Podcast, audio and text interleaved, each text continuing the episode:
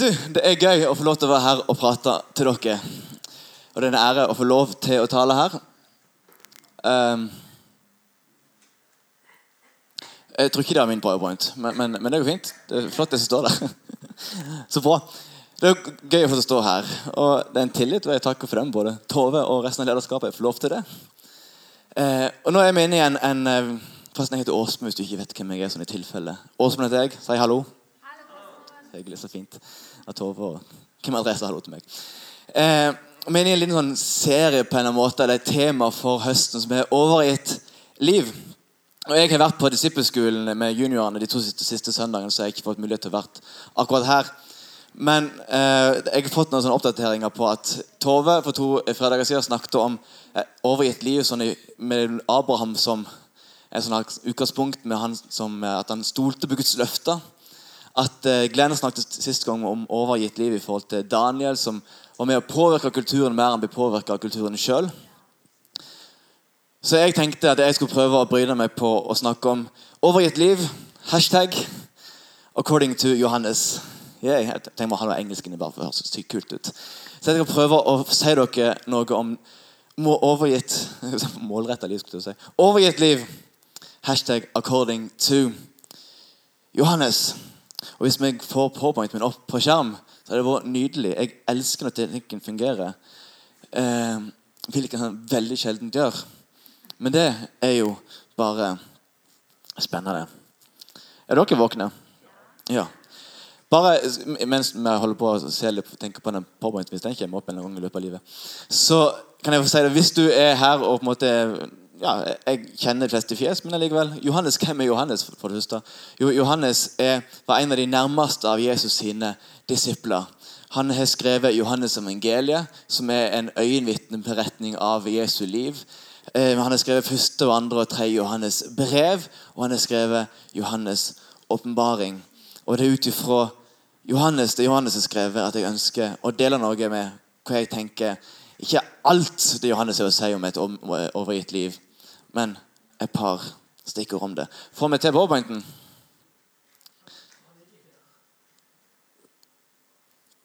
Han ligger ikke der, nei.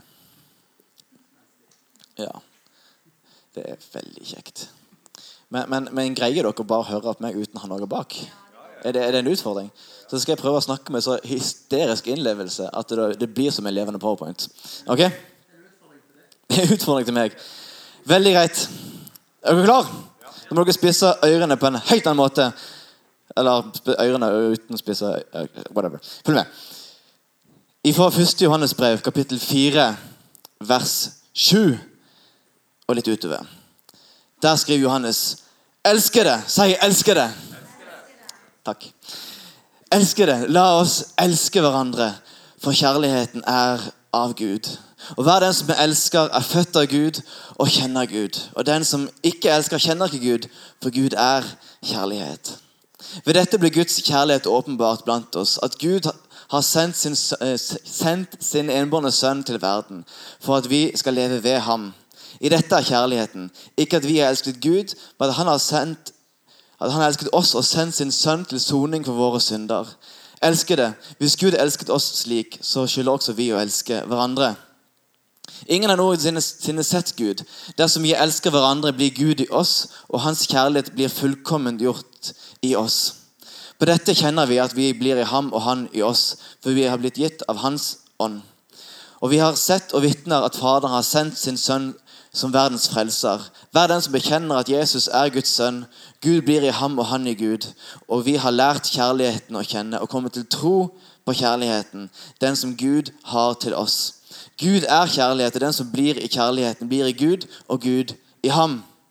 Ved dette er kjærligheten blitt fullkommen blant oss, at vi kan ha fremodighet på dommens dag, for som Han er, slik er vi i denne verden. Det er ingen frykt i kjærligheten, men den fullkomne kjærligheten driver frykten ut, for frykten har straffen i seg. Men den som, frykt, men den som frykter, er ikke blitt gjort fullkommen i kjærligheten. Vi elsker, han, vi elsker ham fordi han elsket oss først. Hvis noen sier 'jeg elsker Gud', men hater sin bror, da er han en løgner. For den som, elsker, den som ikke elsker sin bror, som han har sett, hvordan kan han elske Gud, som han ikke har sett? Og dette bud har vi fra ham, at den som elsker Gud, også skal elske sin bror. Kan vi be bønn sammen?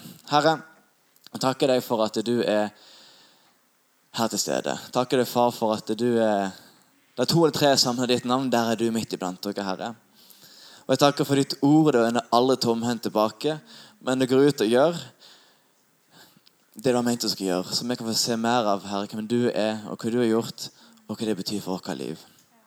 Og Jeg bare takker deg, Jesus, for at du er her til stede. Takk for at selv om det blir mine ord som kommer ut, så ber vi skal komme fra ditt hjerte. Og jeg ber Herre, vi skal, vi skal ha en fantastisk stund sammen, Herre. Og alle sa Det var et solid amen. Noen her inne som har hørt om norrønt? Ja, Gammelnorsk, vikingnorsk. Eh, jeg tenkte å ha noen sånn undervisningsleksjon i norrønt hvis det går fint. Jeg syns det er litt fascinerende med norrønt. Jeg kan ikke så veldig mye av det, men kan litt. Som jeg lærte på videregående. Og Blant de tingene som jeg syns er litt fascinerende med norrønt, er f.eks. Eh, at du kan si en setning, og så kan du bytte om på oppbygningen av setningen, og så betyr den likevel akkurat det samme. For eksempel Nå håper jeg ikke dette har skjedd, da. Men vi sier eh, Tov... Nei, jeg trenger ikke bruke det eksempelet. Jeg sier eh, Ok, Si Kristian og Mathias, da. To søsken. Har en søskenkrangel. Og, og Kristian slår Mathias. Jeg håper ikke det skjer. da. Og Kristian slår, Du skjønner hva jeg mener? Jeg kunne, jeg kunne ikke tatt det eksempelet. Eh, hvis, og Kristian slår Mathias Det kan være omvendt òg, men ikke gjør det. Okay? Hvis Kristian slår Mathias, så på vanlig norsk så sier vi jo at Kristian slo Mathias, og, og, og det var det. ikke sant? Men på norrønt så kan du si både Kristianer slo Mathias, og kan si Mathias slo Kristianer. Og begge to betyr akkurat det samme. Ja. Fordi den R-en i slutten er på det som betegner hvem som gjorde handlingen. Er dere med? Ja. Så Hvis du sier Mathias slo Kristianer, så var det fortsatt Kristian som slo Mathias. Ja. Det har jeg jeg på videregående. En annen ting som jeg lærte på videregående, det var det hvordan du bøyer mann på norrønt. Ja. Nå skal du høre min, min, min, høre hvordan du bøyer mann på norrønt. Du sier 'mother'. Det betyr ikke 'mother', for mor det tror jeg er 'madir'. men, men det er 'mother', manns, manni, mann, menn, mannum, mannum, menn. Sånn deler du mann på norrønt. Og du tenker, Hvordan i heiene vet han det her? Eller hvorfor gidder han huske på det? Det vet jeg ikke. Men jeg husker det, fordi han som vi hadde som lærer Jeg kan gi litt ære til han, han heter Torfinn Svendsen. I norsk på videregående. Han skrev dette her opp på tavla med kritt, faktisk. Men det, den, det hadde vi før i tida. Eh, med og Så skrev han opp der om maler, manns, manni, mann, menn, mannum, monnum, menn. Og så satt vi der i klasserommet og, og skulle repetere dette her. Maders, manns, manni, mann, menn, mannum, monnum, menn. Maders, manns, manni, mann, menn, mannum, monnum, menn. Maders, manns, manni, mann, menn, mannum, monnum, menn. Jo, det ble en rapp.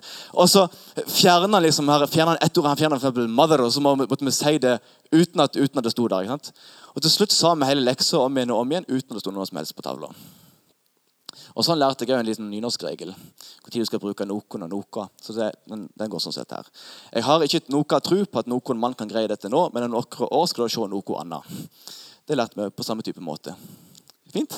Ja? Ja, veldig fint. For Det var en lærer på, på en skole som jeg gikk på HLT. Han sa at repetisjon er all lærdomsmor. Med de glimt i øynene. Men det er noe sant i det. Det å repetere, det med å repetere, det, repetere, det, det sitter, kan risikere å sitte ganske lenge. Eh, har jeg fått bruk for min eh, veldig voldsomme kunnskap i norrønt? Nei, men jeg husker det. En annen fyr som, som heter jeg husker ikke hva han er, han er rektor på Hilston College. Han var, hadde et foredrag på, på, HLT, en skole som jeg har gått på. Og Da sa han det at hvis du for eksempel, eksempelvis vil bygge en kultur, viss kultur, så må du repetere den kulturen om igjen om igjen, kanskje på ulike måter, men om igjen om igjen. om igjen. Og Når du kanskje begynner å bli lei av det sjøl, det er da folk rundt deg begynner å ta det opp og skjønne det. Og Johannes han satt ikke eh, på den leksjonen på HLT, naturlig nok. Men det virker som at han har hatt litt med det, samme type tankegang i bagasjen. At det jeg repeterer ofte nok, det sitter til slutt. Det fortelles det om Johannes at han, når han lå på sitt siste, gammel og skral, så var det en av hans lærlinger som, som kom til han og spurte om han hadde et siste lite visdomsord til dem. Og det er han gode, gamle Johannes greier å få fram det på dødsleiet. Det er elsk hverandre. Elsk hverandre. Det går igjen og igjen og igjen og igjen og igjen og igjen og igjen i alt det han skriver fra Johannes evangeliet til første, andre, tre Johannes brev. Spesielt elsk hverandre, elsk hverandre, elsk hverandre. elsk hverandre, elsk hverandre. Guds kjærlighet til deg. Elsk hverandre, elsk hverandre. Igjen og igjen. Akkurat som en lærer som skriver det opp på tavla og stryker ut ordet ord underveis. Sånn at du på en eller annen gang i løpet av livet bare skal kunne stå på en scene og bare ramse det opp. Fordi det sitter fordi det blir repetert, repetert, repetert for Johannes visste det at her i denne kirka som han skriver til, de kirker som han skriver, der er det utrolig mange forskjellige folk. Det fins folk med forskjellige meninger om ting, det fins folk med forskjellige personligheter, det finnes forskjellige bakgrunner. Det, det kommer til å oppstå gnisninger, det kommer til å oppstå irritasjon, det kommer til å oppstå krangel. Det kan bli bitterhet, det kan faktisk bli hat ut av dette her. fordi Johannes vet at Gud har satt i gang et prosjekt som er et vågestykke av dimensjoner.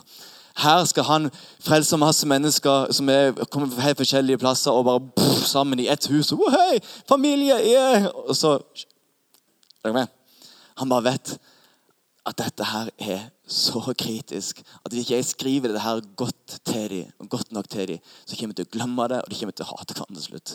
Derfor elsk hverandre, elsk hverandre, elsk hverandre, elsk hverandre. elsk hverandre. Johannes sjøl ble egentlig kalt tordensønn fordi han var en veldig sånn temperamentsfull type. Men i etterkant blir kalt kjærlighetens apostel. Ikke fordi han skriver noe som sukkersøt eh, duft, stearinlys og teppe og en romantisk filmtype kjærlighet. Men en kjærlighet som strekker seg ut, som bryr seg, som har omsorg, som veileder, som, som oppmuntrer, som, som, løfter mennesker opp, og som gir mennesker verdi, og som gir dem tro på at de kan lykkes, de kan få til den type kjærlighet. En aktiv, praktisk kjærlighet, skriver Johannes om. Og det går igjen, som jeg sa, i alle brev, mye, mye av brevet han skriver. Og det går igjen veldig mange ganger òg i det vi allerede har lest. Eksempel I vers 7 så skriver han Elskede, la oss elske hverandre. Og bare Han sklæsjer på det, smør på flesk og, og, og diverse. Elskede, elsk hverandre. Ok.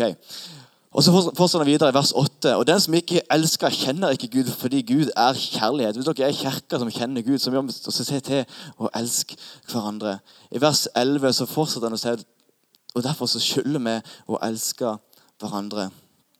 For han på en klinker ordentlig til i vers 20 og 21 at, si at det er motstridende å si at en elsker Gud om en ikke elsker hverandre. For den som elsker Gud, skal jo elske sin bror. Da eventuelt òg søster, for å være litt sånn inkluderende på det. Det er en annen fyr i Bibelen som heter Jakob, som skriver noe, noe av det samme. Da han skriver dette at, Da er han egentlig inne på temaet våre ord, vår munn. Da han skriver dette her at med den samme munnen som vi velsigner Gud med, så forbanner vi mennesker med. Sånn skal det ikke være, sier han. Det er akkurat som eh, Johannes også sier det samme at altså, altså, Jakob skriver dette at på samme måte som du velsigner Gud med, så forbanner du mennesket som er skapt i hans bilde. Og så akkurat at Johannes er inne på noe av det samme. Hvordan kan du elske originalen? Si at du gjør det når du ikke elsker hans bilde. Og så skriver ikke Johannes dette at sånn skal det ikke være. Men det ligger på en som undertone i han skriver. At sånn skal det ikke være. Husk derfor å elske hverandre. Og Nå kunne jeg selvfølgelig hatt en mer sånn sjelesorgisk vinkel på dette. her, for det fins Vi kommer fra ulike situasjoner, ulike settinger, ulike bakgrunner.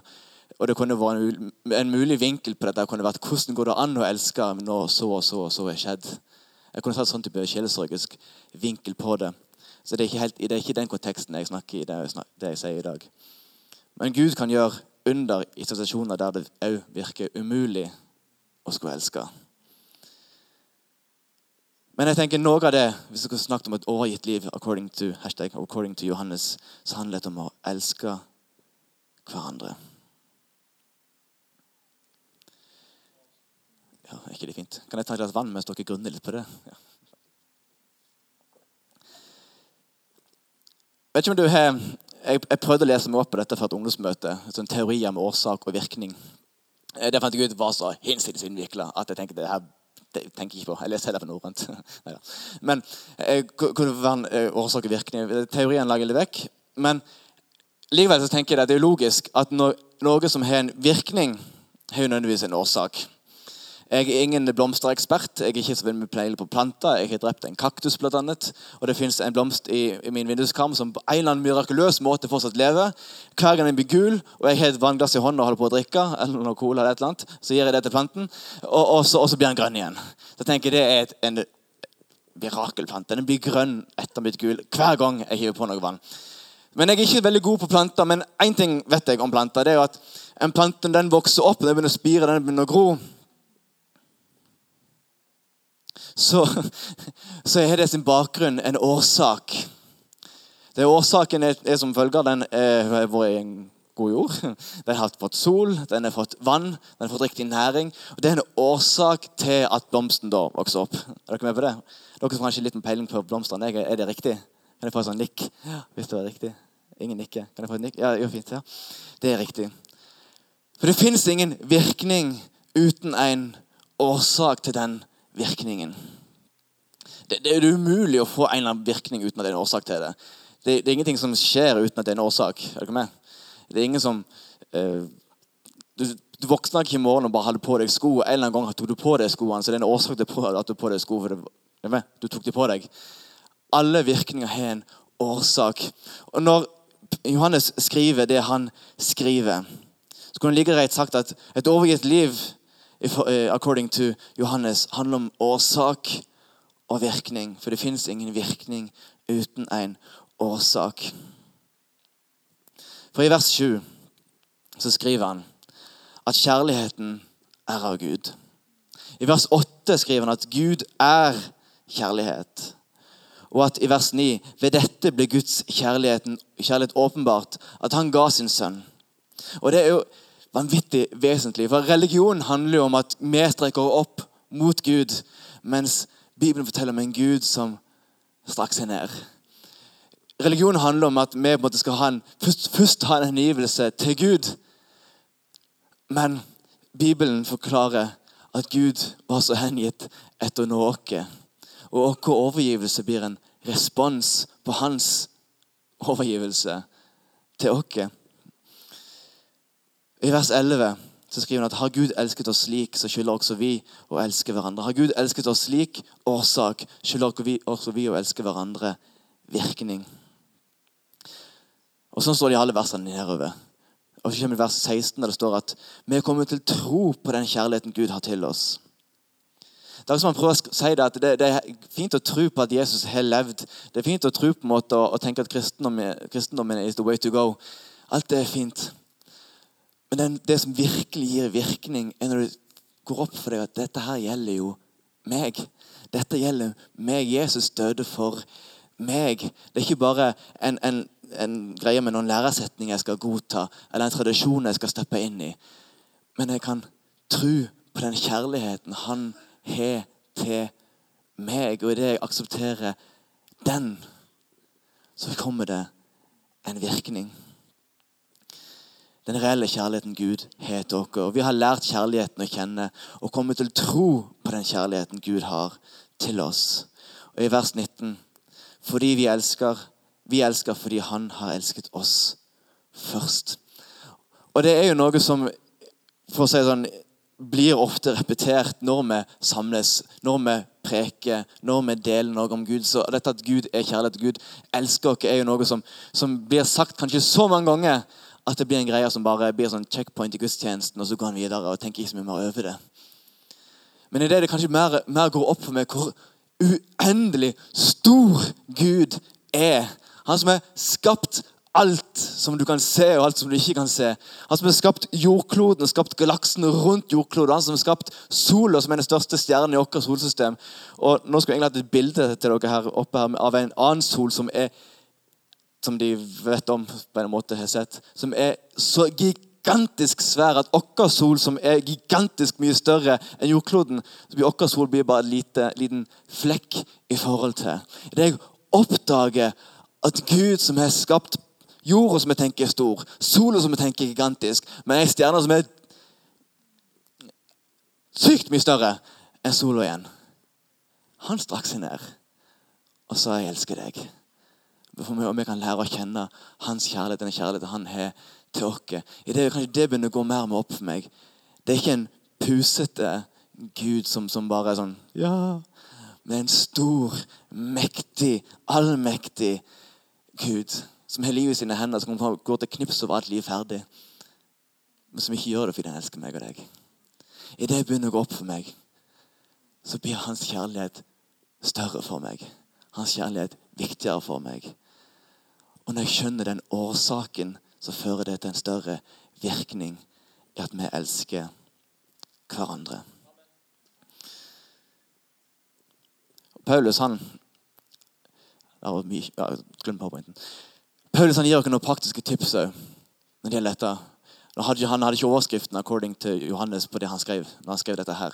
Men Paulus han vet jo dette. Når han skriver til de forskjellige menighetene, så vet han at han skriver til menigheter som, som, som strir med det samme som, som, alle mennesker kan stri med.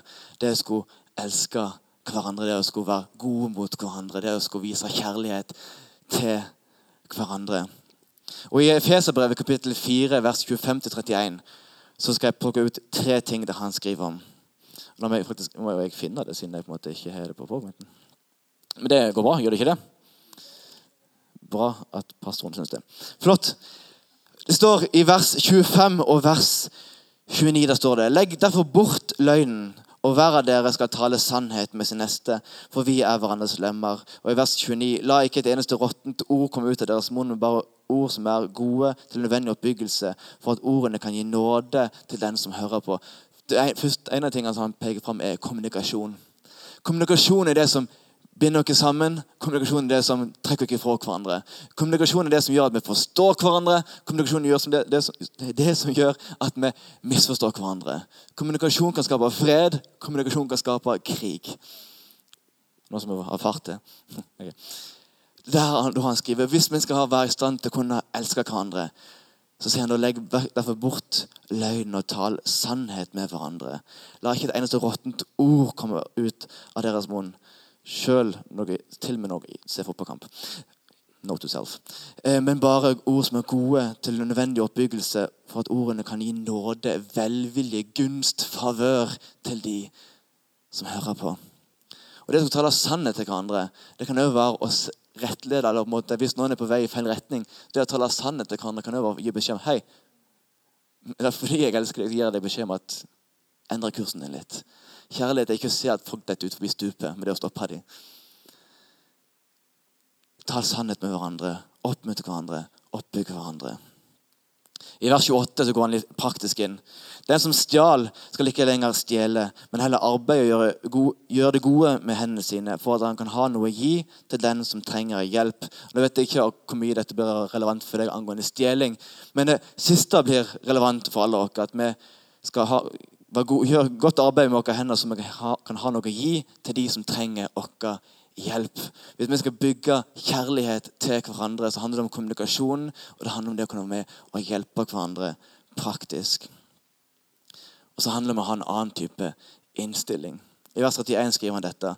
La all bitterhet, vrede og sinne Angående sinne så skriver han faktisk i vers 26. Blir dere vedre vred, vred, Blir dere vrede, så synd ikke, men la og la ikke solen gå ned over deres vrede. Det han da skriver er at det å bli sint er jo ikke nødvendigvis feil i seg sjøl. Det finnes situasjoner der måte, det hadde vært rart. Det var kanskje en emosjonell død hvis en ikke ble sint. Men når en blir sint, ikke gjør noe dumt. Og når du blir sint, ta det opp på en god måte fortest mulig. La ikke solen gå ned over deres vrede, og gi ikke djevelen rom. La ikke bitterhet, vrede, sinne eller skrik. De snakket tydeligvis ikke med innestemme i Efesus. Eller ond tale, la det være langt fra dere, sammen med all type ondskap. La denne innstillingen holdninga vekke, og, var, og ha heller denne innstillingen. Og være gode mot hverandre, vær barmhjertige mot andre og tilgi andre slik Gud har tilgitt dere i Kristus. Det kan du bare øve med hverandre. Det å tilgi hverandre. Ikke skrive biografier 30 år seinere du tar oppgjør med noen som er veldig vind for tida å gjøre. Folk skriver på biografier så store oppslag i VG at den, den tar et oppgjør og forteller om et bla, bla, bla. Det, er, er det mulig? Går det ikke an å ta det opp med den det gjelder? Går det ikke an å bare be om tilgivelse? Kom, get over it og gå videre? Bare øve med hverandre. Vi er et fellesskap med fantastiske, uperfekte mennesker. Og vi som ledere er uperfekte. Hvis du ikke har lagt merke til det før, så kan du bare si det her og nå. Og i denne gjengen der, i den forsamlingen her, så er dette å komme til å bære over med hverandre, elske hverandre, tilgi hverandre. Uten det så går det ikke. Derfor elsk hverandre. Så kan lovsangen engel komme opp.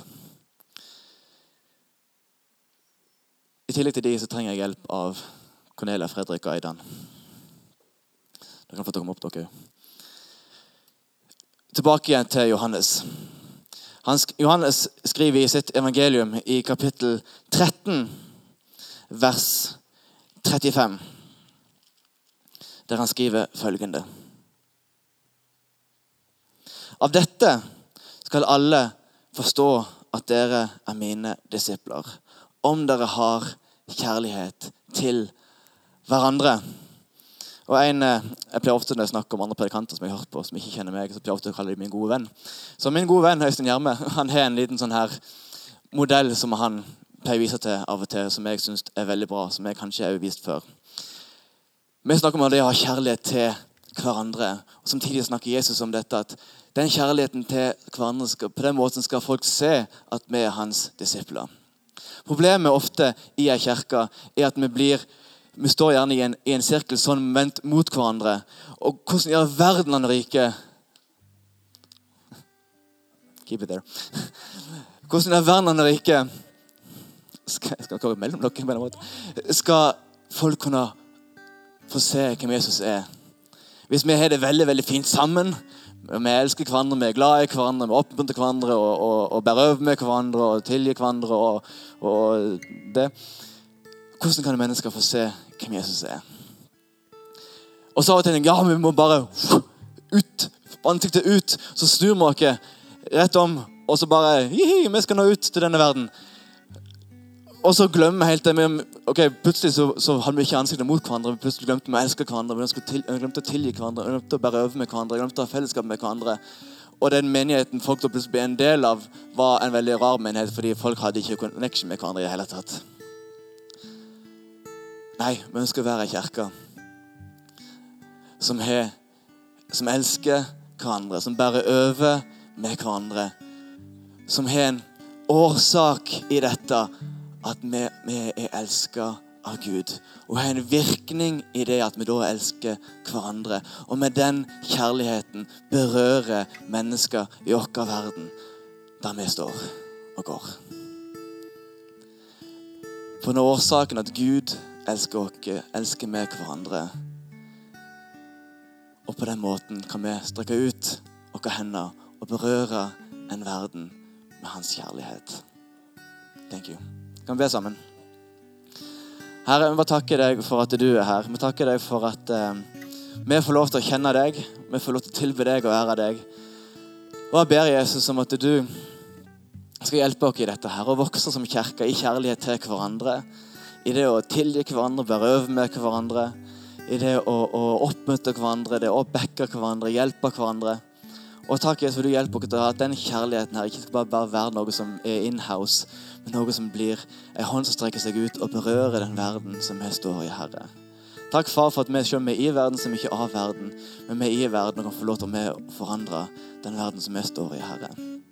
Og Jeg ber for hver enkelt her inne. Jesus. Takk for deres arbeidsplass, takk for deres skole, takk for deres vennekrets og familie. Herre, takk Far, for at de kan få lov til å være ei hånd ut for å berøre sin verden med din kjærlighet. I Jesu navn. Amen. Skal vi reise oss opp? Så vil jeg gjerne gjøre det som jeg, gjør på, som jeg pleier å gjøre når jeg preker. Og det gjør jeg om jeg nesten Uansett om jeg kjenner fjes eller ikke kjenner fjes, så skal jeg gi deg muligheten så hvis du er her inne, så vil jeg bare at du skal lukke øynene dine når det står. Ikke fordi det er noe spooky med det i seg sjøl, men bare at du skal gi den personen som står på siden med deg, anledning til å ha en stund der som er mellom den og Gud. Og jeg vet at vi kan få lov til å vite at det Jesus gjorde på korset, det gjelder meg. Jeg skal ikke trenger ikke rundt og tenke at det gjelder bare alle andre rundt meg. Men jeg kan få ta og kjenne hans kjærlighet og kjenne den kjærligheten han har til meg. Og Hvis ikke du har og til deg, hvis, hvis du er her, er inne og ikke tatt den bestemmelsen om at Jesus, jeg vil lyst til å tro på deg Jeg har lyst til å bare vite det, det du gjorde på korset.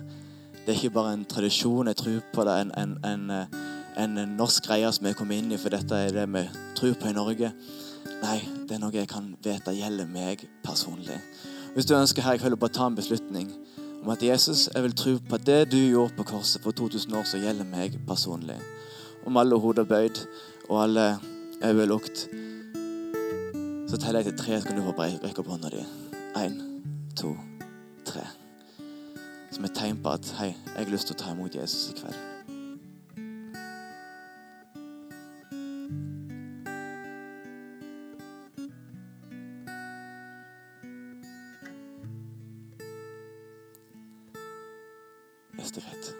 Herre, vi må takke deg for at du er her. Vi takker deg for at vi får lov til å tilbe deg og ære deg og løfte ditt navn opp, Jesus. Og Jeg takker deg, far, for at uh, du, leder, du, er med, du er her til stede nå, Jesus, i lovsangen, Herre. Takk for du berører liv, Herre. Takk for du er her med din omsorg og med din nåde, Herre. Din legedom, din helbredelse, Herre. Din gjenopprettelse og din kraft.